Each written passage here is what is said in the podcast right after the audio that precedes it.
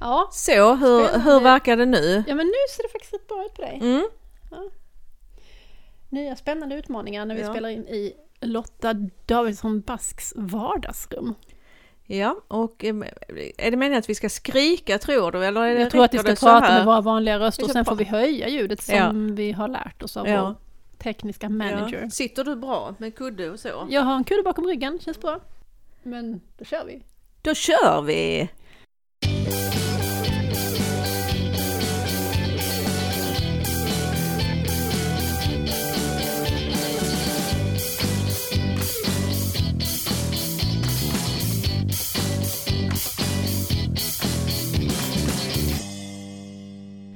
Hej och välkomna till Flödet från Hemma hos. Hemma hos eh, mig, Lotta, som bor på Pilegatan i Lund. Här sitter vi och har en liten julstudio. Verkligen, alltså det är lite synd att det inte är bildmedia det här för att det är så mysigt här. Det är tända ljus, det är blommande amaryllis, det är faktiskt också glögg. Och mjölkfria lussebullar. Bara en sån sak. Bara en sån sak. Och anledningen till att vi är eh, här hemma hos dig idag Lotta, det är ju inte bara att det är mysigt i soffan utan även att eh, min skola är helt invaderad av Musikhjälpen. Eh, och de har plockat ner vår ljudstudio, eller vår, men Spikens ljudstudio som vi nästan betraktar som vår, vår hemmastudio helt enkelt. Och monterat upp den i matsalen där de idag, just idag den 13 december när vi spelar in, har livesänt från eh, Spikens matsal hela dagen. Så det är ju väldigt spännande. Ja, det är ju det är ju himla bra att de gör det här på Spyken. Att de engagerar sig i Musikhjälpen. Ja, det är kul. Och så fick vi passa på att och testa hur det är och, eh, och sända hemifrån. Och som tur är så har vi ju en väldigt god vän och det är Mattias Persson som jobbar på BTJ. Vi har ju nämnt honom tidigare. Jo, men det är för att han har varit vår räddare i den tekniska nöden flera gånger. Och nu har han utrustat oss med en, en hel liten, eh, ja, en hel utrustning för att kunna spela in hemifrån helt enkelt. Så det är både hans mikrofoner. privata grejer och, och saker från BTJ. Yes. Så tack eh, snälla Mattias och tack BTJ. Eh, vi ska säga lite mer eh, om er i slutet på programmet. För man kan ju säga att ni sponsrar i detta avsnittet. Ja, men det får man ändå säga. Man, de, det får man säga. BTI är våra stolta sponsorer i- för det här avsnittet av Flödet. Ja, vad ska vi prata om idag då Klara? Ja, men jag blev lite sugen på att prata om ehm, varför vi håller på egentligen. Vad är det som driver oss? Vad är det som gör att vi fortfarande hänger i? Vad är det som gör att vi grejar varje dag? Vad är det som gör att vi anstränger oss lite mer? Hur hamnade vi här i skolbiblioteks eh, och eh, vad är det som gör då att vi Att vi fortfarande är att vi är kvar! kvar här som envisa, envisa lokomotiv och, och, och fortfarande tycker det är kul. Men det, det är spännande frågor. Ja, Vi dyker i, helt enkelt. det gör vi. Vi kör. Ja. Ja, jag, jag kan ju säga att jag, jag hamnade i skolbiblioteksvärlden av en slump. Eh, när vi gick ut 2004 så fanns ju nästan inga lediga jobb i Sverige. Det fanns så här, ja, några stycken, fem, sex jobb och hälften var chefspositioner. Så att det var, det var svårt att få jobb och jag var arbetslös i sex månader för, för första gången i mitt liv.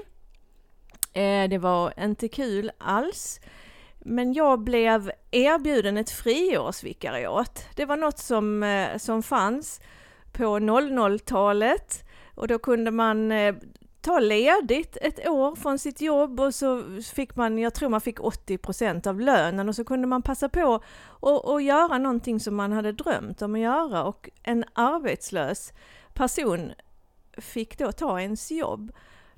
Och det hade jag förmånen att få göra, att få ta någons jobb uppe på eh, Fäladsgården och Norra Fäladens bibliotek. Så att jag fick en, eh, en delad tjänst som skol och folkbibliotekarie. Och jag trivdes så himla bra där så att jag, jag tror att jag bestämde mig redan första dagen att jag, jag ska stanna här. Så att jag gjorde allt för att få stanna.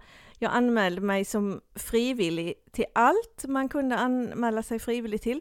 Bland annat så var jag med i julfestkommittén. Ah, I dessa dagar Dessa dagar är det ju väldigt aktuellt att prata om den där eh, julfestkommittén som vissa älskar att vara med i men andra hatar att vara med i. Ja, jag, jag älskade att vara med i den. Det var 2004 och vi hade precis invigt eh, de nya bibliotekslokalerna för filialen i Veberöd. Så att vi, vi hade eh, folkbibliotekens julfest ute i Veberöd och det blev en kanon eh, trevlig tillställning. Men sen fick du också stanna kvar. Det måste ha varit så att den som hade friår valde att inte komma tillbaka på sitt Ja, sin tjänst. den personen kom delvis tillbaka men sen var det en annan som, som gick vidare till, till en annan tjänst. Så att ja, det, jag, jag kunde få, få vara kvar och fick fast jobb. Mm. Så, så, så, så gick det till för mig. Och du då? Ja, men det var ju också en slump. Jag tror faktiskt att många, i alla fall i vår, eh, jag ska inte säga vår generation, men de som gick ut ungefär samtidigt som vi, har hamnat i skolbibliotek mer eller mindre av en slump. Och, och det, det tror jag på grund av att när vi gick utbildningen i Lund så var det ju inte så mycket positivt prat om skolbibliotek. Eh, utan eh, det kanske vi har pratat om i flödet förut. Men vi hade liksom en föreläsning om skolbibliotek och den gick ganska mycket ut på att det är ett hårt jobb, man är ensam, man får slita. Eh, så det kändes inte så peppigt. Men det var, nej, det var inte särskilt peppigt. det jag hade bestämt mig för eh, redan innan jag ens började utbildningen, det var att jag ville jobba med barn och unga. Eh, och varifrån den liksom starka lusten och viljan att jobba med barn och unga kom ifrån, det har jag faktiskt ingen aning om. Jag bara kände att det var kul. Men någonting kanske det är i min barndom eller min uppfostran, för vi är ju fyra syskon och tre av oss jobbar med barn och unga. Så det kanske är något som jag fick med mig hemifrån, vem vet.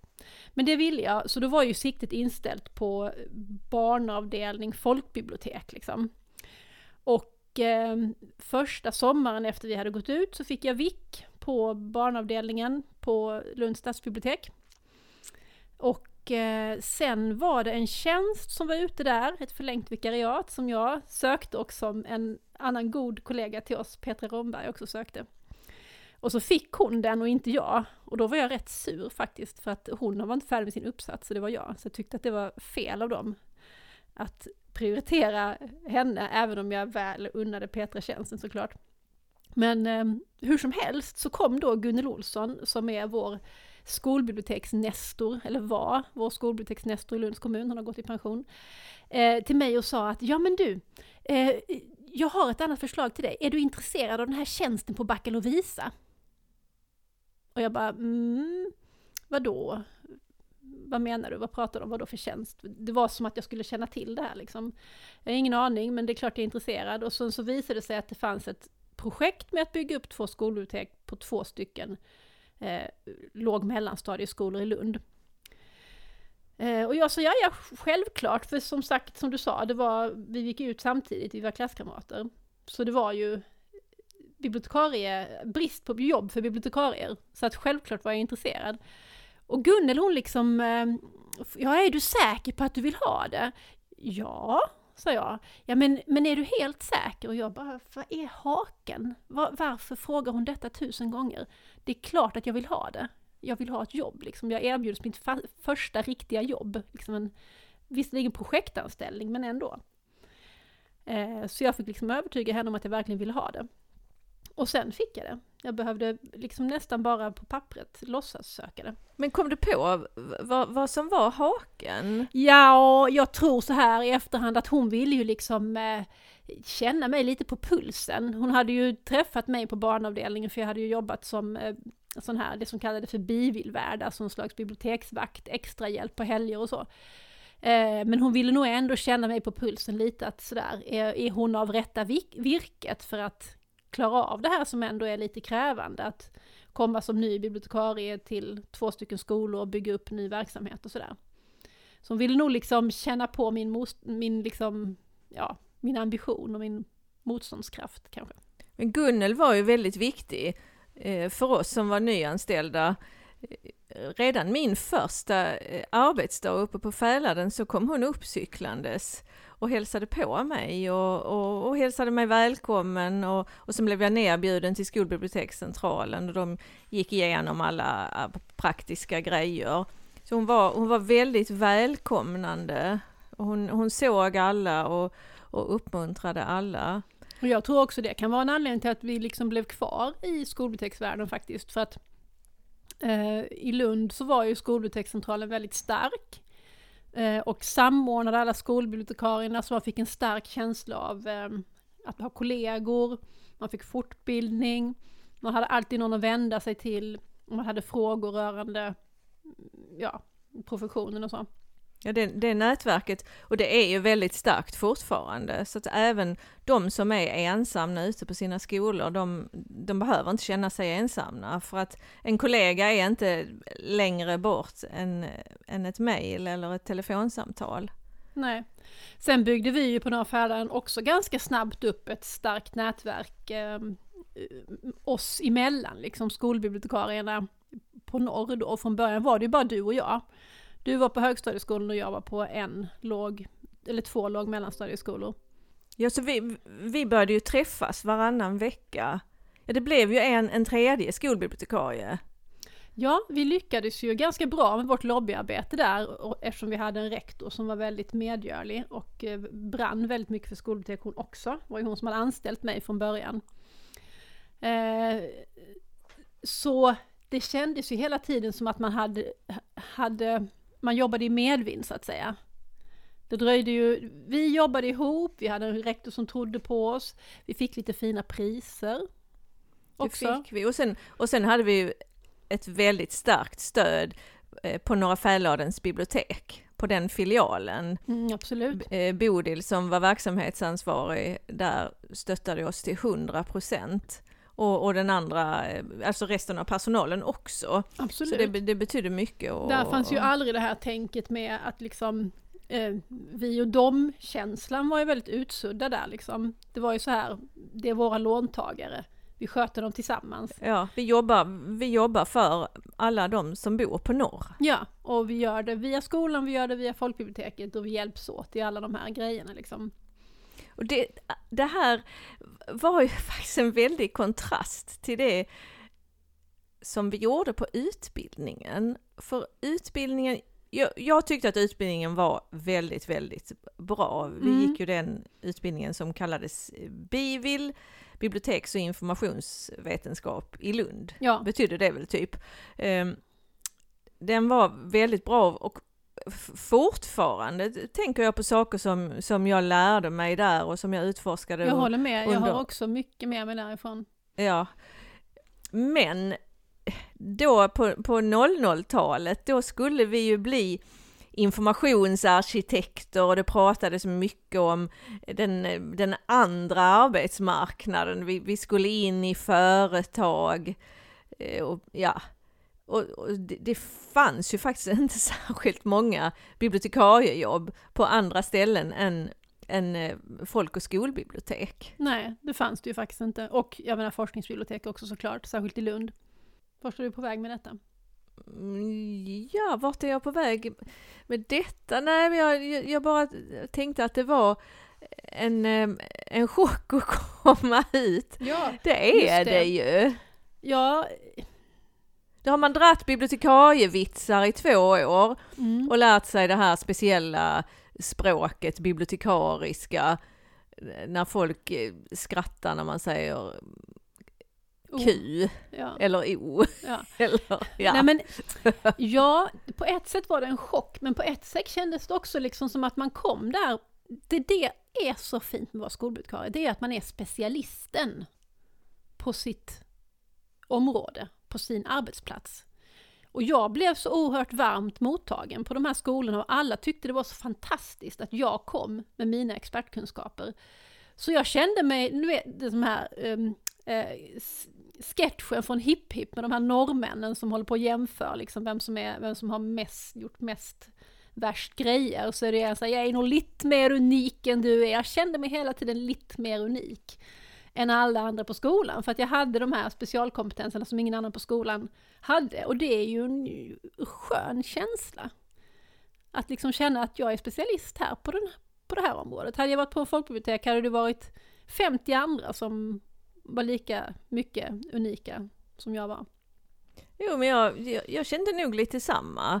att, att eh, folk var väldigt tacksamma och att de, att de blev förvånade. Åh, åh ja, du, du är så duktig och Ja, oj precis. vad du kan. När Och man där- själv känner att jag gör bara mitt jobb så är folk bara så Wow! Det är fantastiskt! Kan du hjälpa till med det här och kan du göra det och det?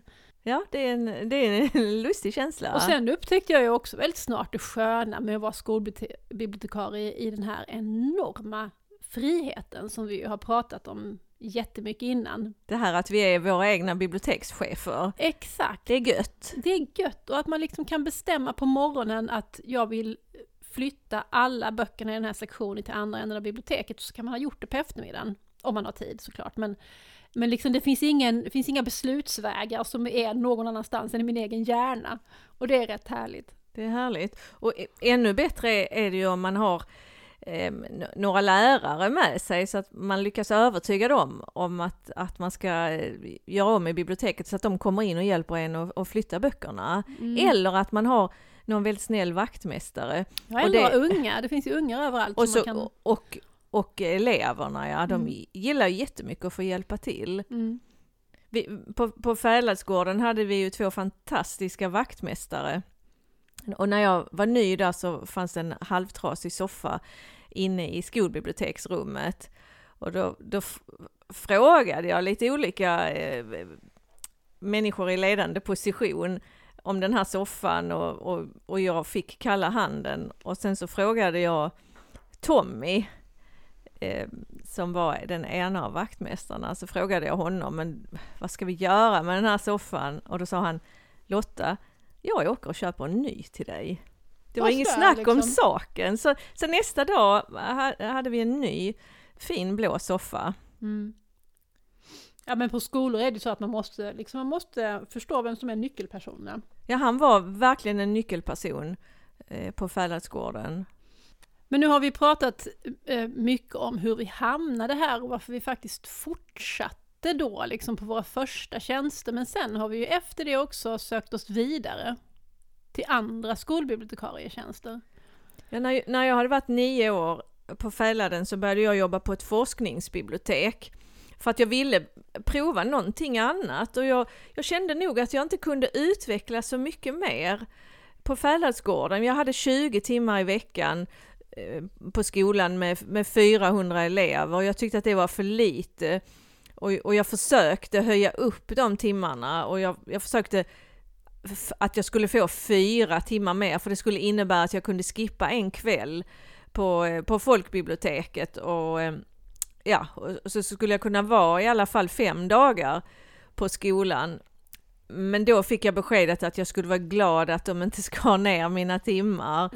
Ja, och då, då tror jag att jag kände att jag kan inte utveckla mer här.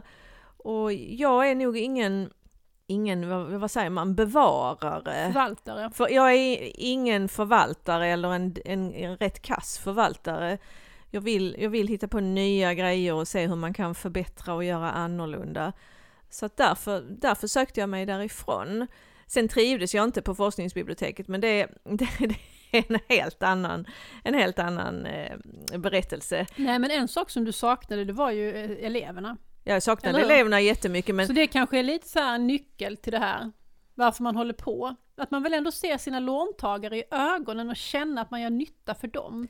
Men jag hade ju, jag hade ju mycket studenter i det, i det här eh, forskningsbiblioteket.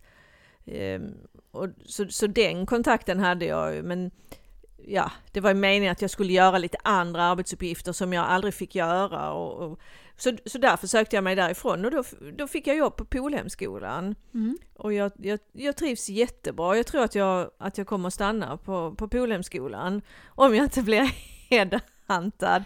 Men jag Precis. tror, jag tror att det tåget har gått faktiskt. inte det.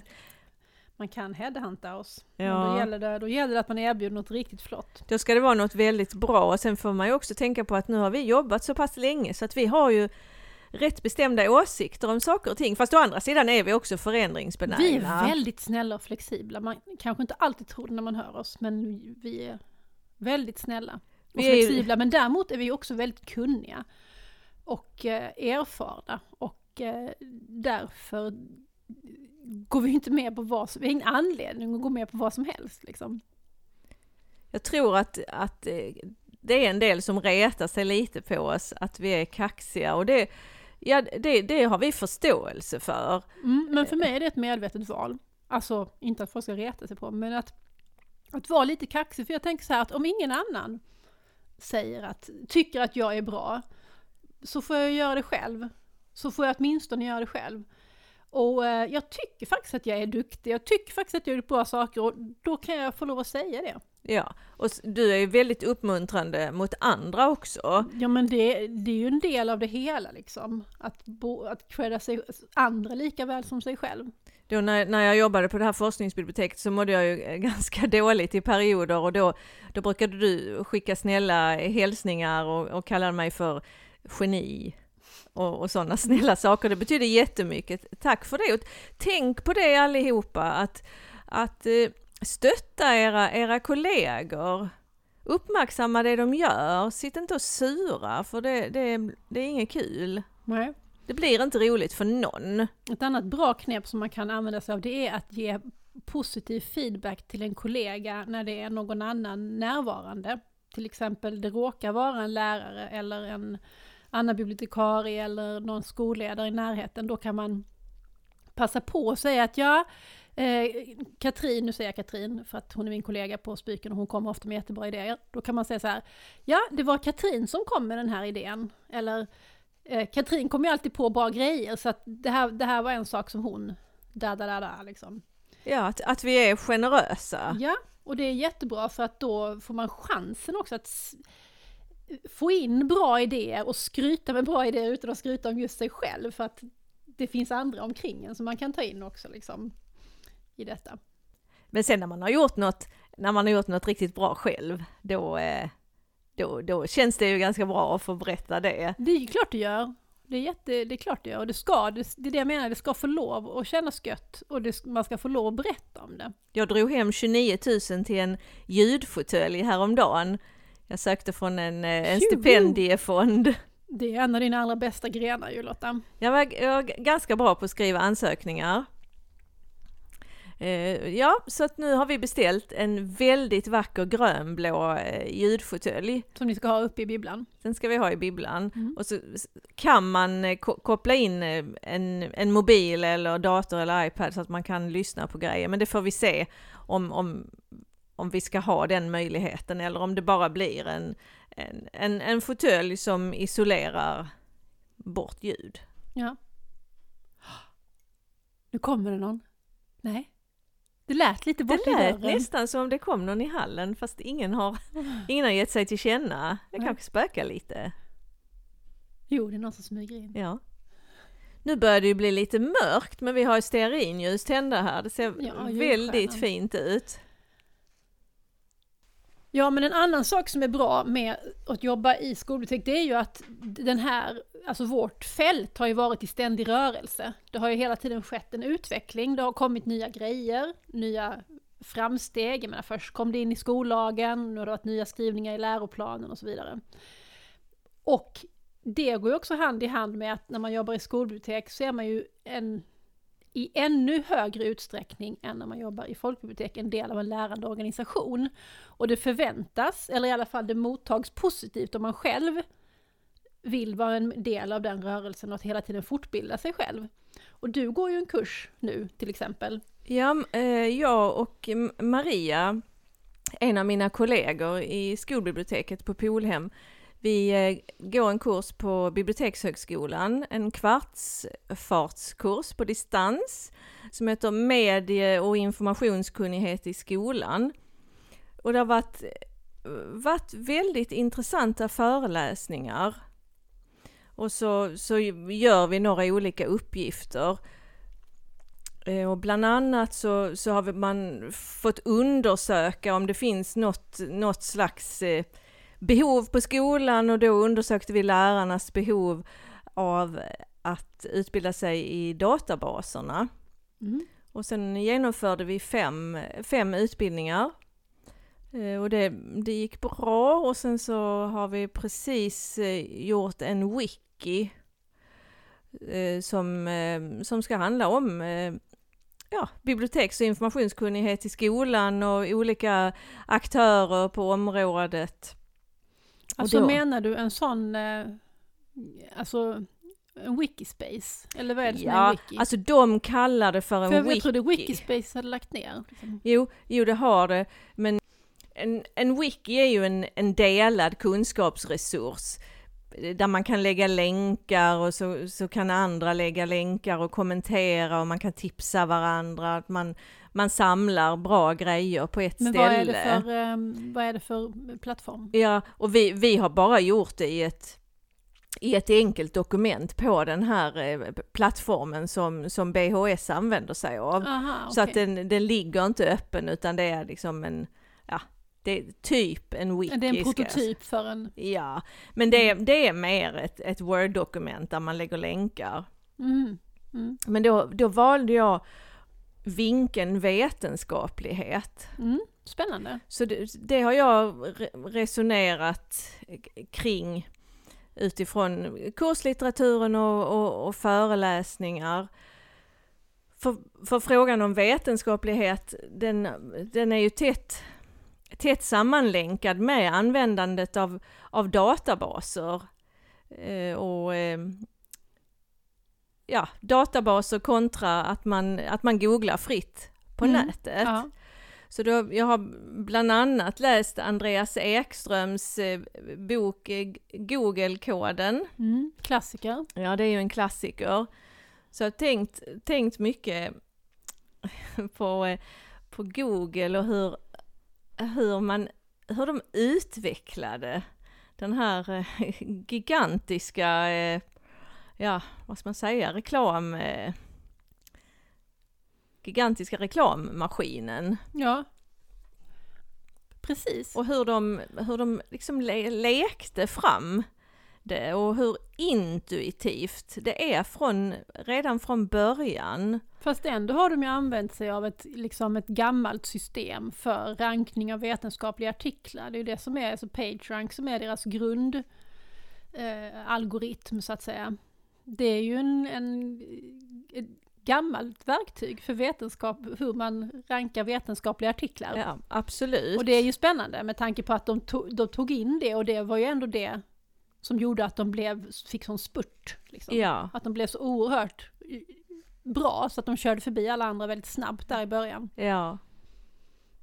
Ja, och då, då har jag tänkt mycket på jag har tänkt på Elinor och, och Marianne Dashwood i eh, Förnuft och känsla. Okej, nu får Och du då har, förklara. jag tänkt, då har jag tänkt på Google som, som känsla och databaser som förnuft. Och då har jag, har jag undrat om, om det finns någon, någon framtid för förnuftet. Och det hoppas jag såklart Mm. att, att det ska göra, men vi har ett, ett styvt jobb det att göra vi. ute på skolorna. Det är intressant för du, när du säger förnuft och känsla därför att det, vi lever ju i ett, i ett känslosamhälle. När man tittar på hur, hur nyheter delas och sprids så är det ju hela tiden att det bygger på känslor. Och när du har en, en, en länk som på något vis kan anspela på folks känslor så får den ju mer klick än om det handlar om torra fakta. Ja, det, vi har ju pratat om amerikanska presidentvalet i någon av våra första avsnitt. Att, att Donald Trump vann valet därför att han anspelar på folks, spelar an på folks känslor. Och att Hillary Clinton pratade fakta. Ja, nej man Och det vinner. gick inte hem. Man vinner inga val på att prata sakpolitik utan man ska då man ska gå, gå rakt in på folks känslor. Och eh, det är ju det är ju fint när man pratar om förnuft och känsla och att känslan ska ha betydelse men samtidigt så är det ju ingen trevlig utveckling när det blir så här jag skiter att det är falskt, det är för jävligt ändå liksom. För att Ja. så känner jag. Och Ja, jag känner att vaccinationer är fel för mitt Ja. barn. Jag struntar i vad som är förnuftet i det här. ja. Ja, så det, det, det har jag funderat mycket Men vad på. rädd, vad är räddningen då? Hur ska vi liksom eh, få folk att använda databaser trots att det är förnuftet och trots att alla bara vill ha känslan? Ja, vi, får, vi får fortsätta och, och, och kämpa på. Vi får visa att de sparar tid när de går direkt till en särskild databas. Att de, att de hittar bättre material så att de tjänar på det. Mm. Jag tror att, att, att vi måste visa det. Mm. Och vi måste ju utbilda lärarna också så att de eh, vet hur man, eh, hur- hur man använder de här olika bra resurserna som NE och artikelsök. Mm. Men, men jag tror också faktiskt att man måste utmana intellektet, alltså eh, intellektets spänst. Liksom. För att det handlar ju ändå till viss mån om slöhet. Det är så enkelt att gå på känsla. Ja, det är så googlar. behagligt, det är så mjukt, det är bara go with the flow, nu känner jag så här, nu gör jag si, nu gör jag så. Men ska man gå på förnuftet då måste man ju tugga med hjärnan, liksom. Man måste... Hjärnans matsmältningsapparat måste, det här blir väldigt kroppsligt och fysiskt, Ja. men den måste ju sätta igång och bearbeta, liksom, bryta ner, eh, analysera, alla de där sakerna som är lite jobbiga. Och jag tänker att den unga generationen som är så bildburna och som har sett så mycket tv-serier där det är liksom väldigt mycket känslor, kanske inte så mycket att analysera själv utan man matas mer med olika känslor. De, de behöver eh, spänsta sitt intellekt liksom. Och det behöver ju vi också. Alla behöver det För självklart. när jag, när jag har suttit med kurslitteraturen och när det har varit något som, som har varit lite svårare, Torsten Thurén till exempel, hans eh, teorier, så, så har jag verkligen fått tänka till och jag har antecknat och jag har jämfört och, och det är så himla roligt. När jag har suttit här på någon söndag med alla böcker framför mig på matsalsbordet Mm, så, så känner jag mig lycklig. ja. Så knäpp är jag. Ja, nej men jag gick ju för några veckor sedan en kurs i att skriva barnbokskritik på Svenska barnboksinstitutet. Och det var också helt underbart, för vi hade sådana fantastiska föreläsare och det kändes verkligen som att, ja, att min hjärna liksom krasade, liksom. den, den tuggade och det var liksom en sån eh, frö, intellektuell fröjd, verkligen. Man kände att ens egen spänst bara liksom, ja.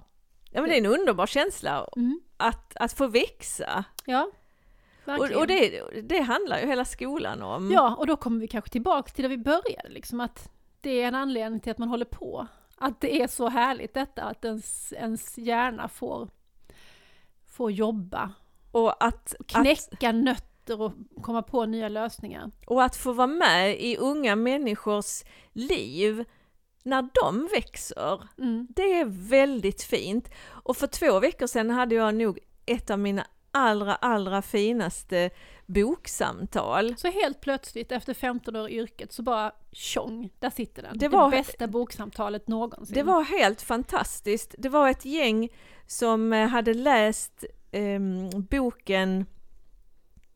Åh, nu kommer jag inte ihåg vad den heter. Jo, Ulf Ellerviks bok Ond kemi. Och den boken ingår i eh, Naturpaketet. Ehm, tillsammans med, med några andra eh, böcker och då var det sju elever som hade valt att, lä- att läsa den boken och då träffade jag dem och hade ett samtal. Och det blev så fina diskussioner. Och, och det blev också en diskussion faktiskt om förnuft och känsla. Mm.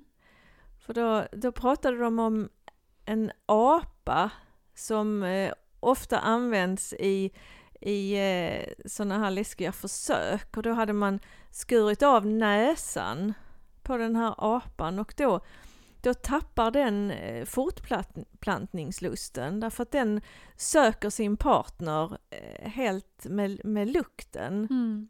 Så då började eleverna diskutera det, hur man, hur man hittar sin partner. Mm. Och det blev fantastiska filosofiska samtal.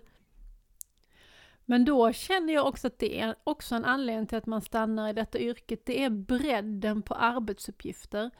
Att ibland sitter man där med ett få, få elever liksom och har ett samtal som känns som att eh, det var det bästa på 15 år. Ja, och vi drack te och vi hade stearinljus tända. Och sen en annan gång så har du en aulaföreläsning för eh, liksom två hela, alla paralleller i, i två hela program. och eh, river av liksom någon information inför GO eller vad det gör. Och får positiv feedback efter det. En annan dag så står du och plastar böcker en stund eller svarar på ganska ointressanta frågor i disken. Ja, eller hjälper Alltså, dem att sk- skriva ut. Ja, nu, vi, vi ska inte prata om skriva. Nej, nu blev det Nej, dålig Vi, stämning. vi gör inte det, vi bara hoppar över det med Ja. skriva. För om vi pratar om det så kommer ingen vilja bli skolbibliotekarie hela sitt liv. Vi skiter i skrivarna. Nej men ehm, jag tror faktiskt också att det är en grej som kommer från Gunnel Olsson, det här med, med eh, hartid och sköldpaddstid. Har du hört det? Nej, det kommer jag inte Nej, ihåg Det alls. kanske inte kommer från henne, men i alla fall, det har jag hört någonstans från någon, någon smart person. Att eh, när man jobbar så behöver man både hartid och sköldpaddstid och det här kommer ju från den här eh, fabeln om sköldpaddan som skulle springa i kapp med, med haren.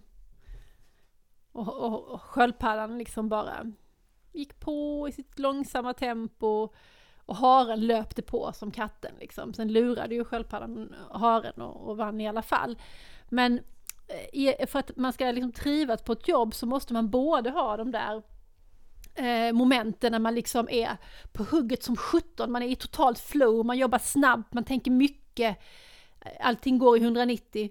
Man behöver också de där liksom stilla momenten som antingen kan bestå i liksom kontemplation och samtal men också ganska hjärndöda grejer som att bara stå och plasta en bok liksom och tänka på något annat. Eller laga böcker. Ja, Det gillar jag. ja, Om jag är superstressad och det har varit jättemycket och jag egentligen borde planera fem olika lektioner som jag ska ha nästa vecka. Då gillar jag att ställa mig en timme och laga böcker mm, och kleta lim. ja. Kommer ju lätt lim över hela disken ja. och lite i, i tangentbordet och så, men det gör inget. Jag brukar inte laga böcker bredvid tangentbordet. Jag Jo, jag gör gör det på kontoret. Vi har en, eh, en, en disk inne på kontoret där vi kan kleta lite med lim och sånt. Jag gillar att göra sånt ute i biblioteket och det är ju sånt fint bibliotekslim så det luktar ju inte. Nej. Så man kan inte sniffa och bli lite Nej, kul. tyvärr. Det finns få tillfällen att sniffa och bli lite kul i det här jobbet. Men nu dricker vi lite glögg. Så nu, nu har vi lite kul i alla fall. Ja, det har vi. Ja. Det är ju väldigt roligt att, att göra den här podden förresten. Och nu kommer jag att tänka på att, att vi har kollat var våra lyssnare bor. Alltså vi kan ju inte se era Nej, adresser, nej, vi, kommer inte, alltså. vi kommer inte komma Annars efter. kunnat komma och knacka på. Vi kommer inte att komma efter er, vi lovar. Men vi har ju sett att vi har rätt många lyssnare i USA. Ja, Och då har jag ju, jag har ju några systrar.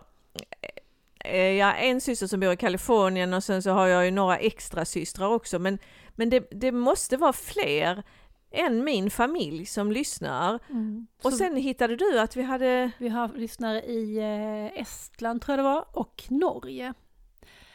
Men vi kan väl bara sammanfatta det som att vi hälsar extra mycket till våra lyssnare utanför Sveriges gränser i det här avsnittet och önskar en riktigt god jul. och om du sitter i, Estland så får du ju gärna skicka en liten hälsning till oss. På Twitter eller Instagram. Ja, Ja, så blir vi superglada. det, det skulle vara kul att veta vad ni gör, ni som är utomlands. Ja. Men vad säger du Lotta, ska vi knyta ihop säcken för idag? Ja, vad ska du läsa i jul? Jag vill ju gärna att vi ska prata Åh. lite om böcker också. Mm. Ja, men nu kommer du med jättesvåra frågor för att jag, jag ska ut och resa i jul. Eh, så att jag passade på nu liksom när den nya månaden startade att gå in på eh, folkbiblioteken och låna hem en massa e-böcker som jag ska ha i min läsplatta. Eh, och eh, då lånade jag ju både från eh, Lund och från Skurup och även lite grann på mina barns lånekort för att få ihop tillräckligt många. Men just nu kommer jag inte ihåg vad jag lånade. Förlåt. Ska Ja. jag kolla det? Ja, ja men det är okej. Jag, just nu så håller jag ju på att lyssna på Marie Hermanssons Den stora utställningen. Och den ja, jag, ja, den har jag läst. Det är en sån riktigt mysig historia. Ja. En bra historia liksom. Ja, det är det. Den tycker Ja. jag jättemycket Ja. om, hur hon väver in Einstein här Ja. i, i handlingen. Och sen, sen är den intressant också för att jag har ju precis läst eh, boken Om de kommer så skjuter jag oss. Som han, det är Hermeles eh, bok som handlar om, om judar i Sverige under andra världskriget och hur otroligt rädda folk var för att tyskarna skulle komma hit till Sverige. Mm. Den, den är väldigt bra, den kan jag rekommendera. Sen är jag lite sugen på att läsa boken om Ester Blenda Nordström, Mm. Ett litet jävla solsken. Alltså den eh, lyssnade vi på i somras i bilen. Vi lånade den på Skurups bibliotek och eh, hade den på CD i bilen när vi körde norröver. Och sen kom vi tillbaks och vi har ju inte, vi har ingen egen bil. vi har så här hyrbil när vi ska iväg och eh, tyvärr så hade vi inte riktigt lyssnat färdigt men vi hade liksom ingen CD-spelare. Så vi var tvungna att lämna tillbaks boken. Så jag har lyssnat på nästan hela. Eh, men jag har också lyssnat på hennes sommarprat. Ja, den, jag kan rekommendera den. Den är jättebra. Men du kan ju läsa sista kapitlen. Ja absolut kan jag göra det, men nu är det så länge sedan. Och nu har jag ju hela min läsplatta full med hemliga böcker som jag har glömt bort, men som jag har lånat hem. Men det är härligt när man har den där högen Mm. Ehm, och så ska man vara ledig ett tag och så vet man att jag, jag kommer att ha att läsa Ja, alla dagar. Mm. Mm. Det är en skön känsla. Sen tittar vi alltid på Sagan om ringen Jaha, någon gång under det julen. är alltihopa. Vi ser alla tre filmerna, inte alltid alla i ett svep, men det har hänt. Shit alltså. Och, då, och så får någon gå ut och köpa pizza när man blir, när man blir för hungrig. Mm. Jag älskar Sagan om ringen. Jag har aldrig sett alla filmerna ett- Och sen- någonsin. Älskar jag också alla filmatiseringar av Jane Austens böcker. Ja. De kan jag se hur många gånger som helst. Och Vi har inga sådana film eller tv-traditioner i min familj faktiskt. Det är Men- aldrig för sent att Nej. få traditioner. Jag vet inte. Det är... Sen måste man inte ha Nej. traditioner. har Man kör, andra- vi kör på känsla bara. Vi har andra traditioner som inte innefattar film och tv. Men man kan ibland sakna det där. Det verkar så mysigt att hela familjen kurar upp sig i soffan och alltid ser på den där filmen liksom. Ja, men då så. Då kanske vi ska dricka lite mer glögg Det ska och vi. eh, önska alla en, en trevlig ledighet. Hoppas att, att ni får vara lediga. Alltså det är ju också faktiskt verkligen en stor anledning till att jobba kvar i skolbibliotek. Det är ju att man kan vara ledig på loven och att man slipper helger och kvällar. Ja, Ja, det det måste vi lägga till innan vi slutar. Ja. Men vi önskar alla lyssnare en riktigt skön ledighet, en god jul och ett gott nytt år. Och så vill vi gärna tacka Mattias Persson på BTJ för att han kom hit med all den här utrustningen till oss. Och ni vet ju att BTI, de jobbar ju både med produktion och inläsning av ljudböcker och både ljudböcker som de ger ut själva och produktioner för andra förlag. Dessutom har de ju också ett eget förlag som ger ut väldigt bra handböcker för skolbibliotek. Och vi har faktiskt fått deras senaste bok, den ligger här Ja. på bordet. Vi har inte hunnit titta i Jag den än, den förlåt Men vi har Mattias. inte hunnit titta på den, men eh, Vi ska givetvis läsa den i jul. den eh, är ju en bok som handlar om normkreativa metoder och brytiga böcker för barn och unga. Den heter Rätten till din berättelse. Så den eh, kommer att bli spännande läsning. Ja, det blir det. Och så vill vi ju tacka rektor Torbjörn. Ja, vi tackar rektor Torbjörn som vanligt för vår fina jingel. Och så vill jag tacka dig Lotta. Och jag vill tacka dig Klara. Så- Allt gott till er allihopa. Ja, vi hörs igen på det nya året och då blir det ju en specialgrej. Det kan vi säga också. Det blir en specialgrej i januari. Ja, vi kommer nämligen att spela in live inför publik på eh, Skolbibliotekscentralen i Lunds eh, lilla minikonferens om skolbibliotek. Eh, så nästa avsnitt kommer att bli en eh, liveinspelning, fast vi kommer ju klippa den, vi kommer inte sända live, men vi kommer att spela in den live. Och sen klippa den och lägga ut den i efterhand. Så det blir lite spännande för oss. Ja, nya, ännu mer nya tekniska utmaningar. Hurra! Ja, det är kul. Då säger vi så. Ja, vi säger så. Hej och tack! Tjingeling, hej då!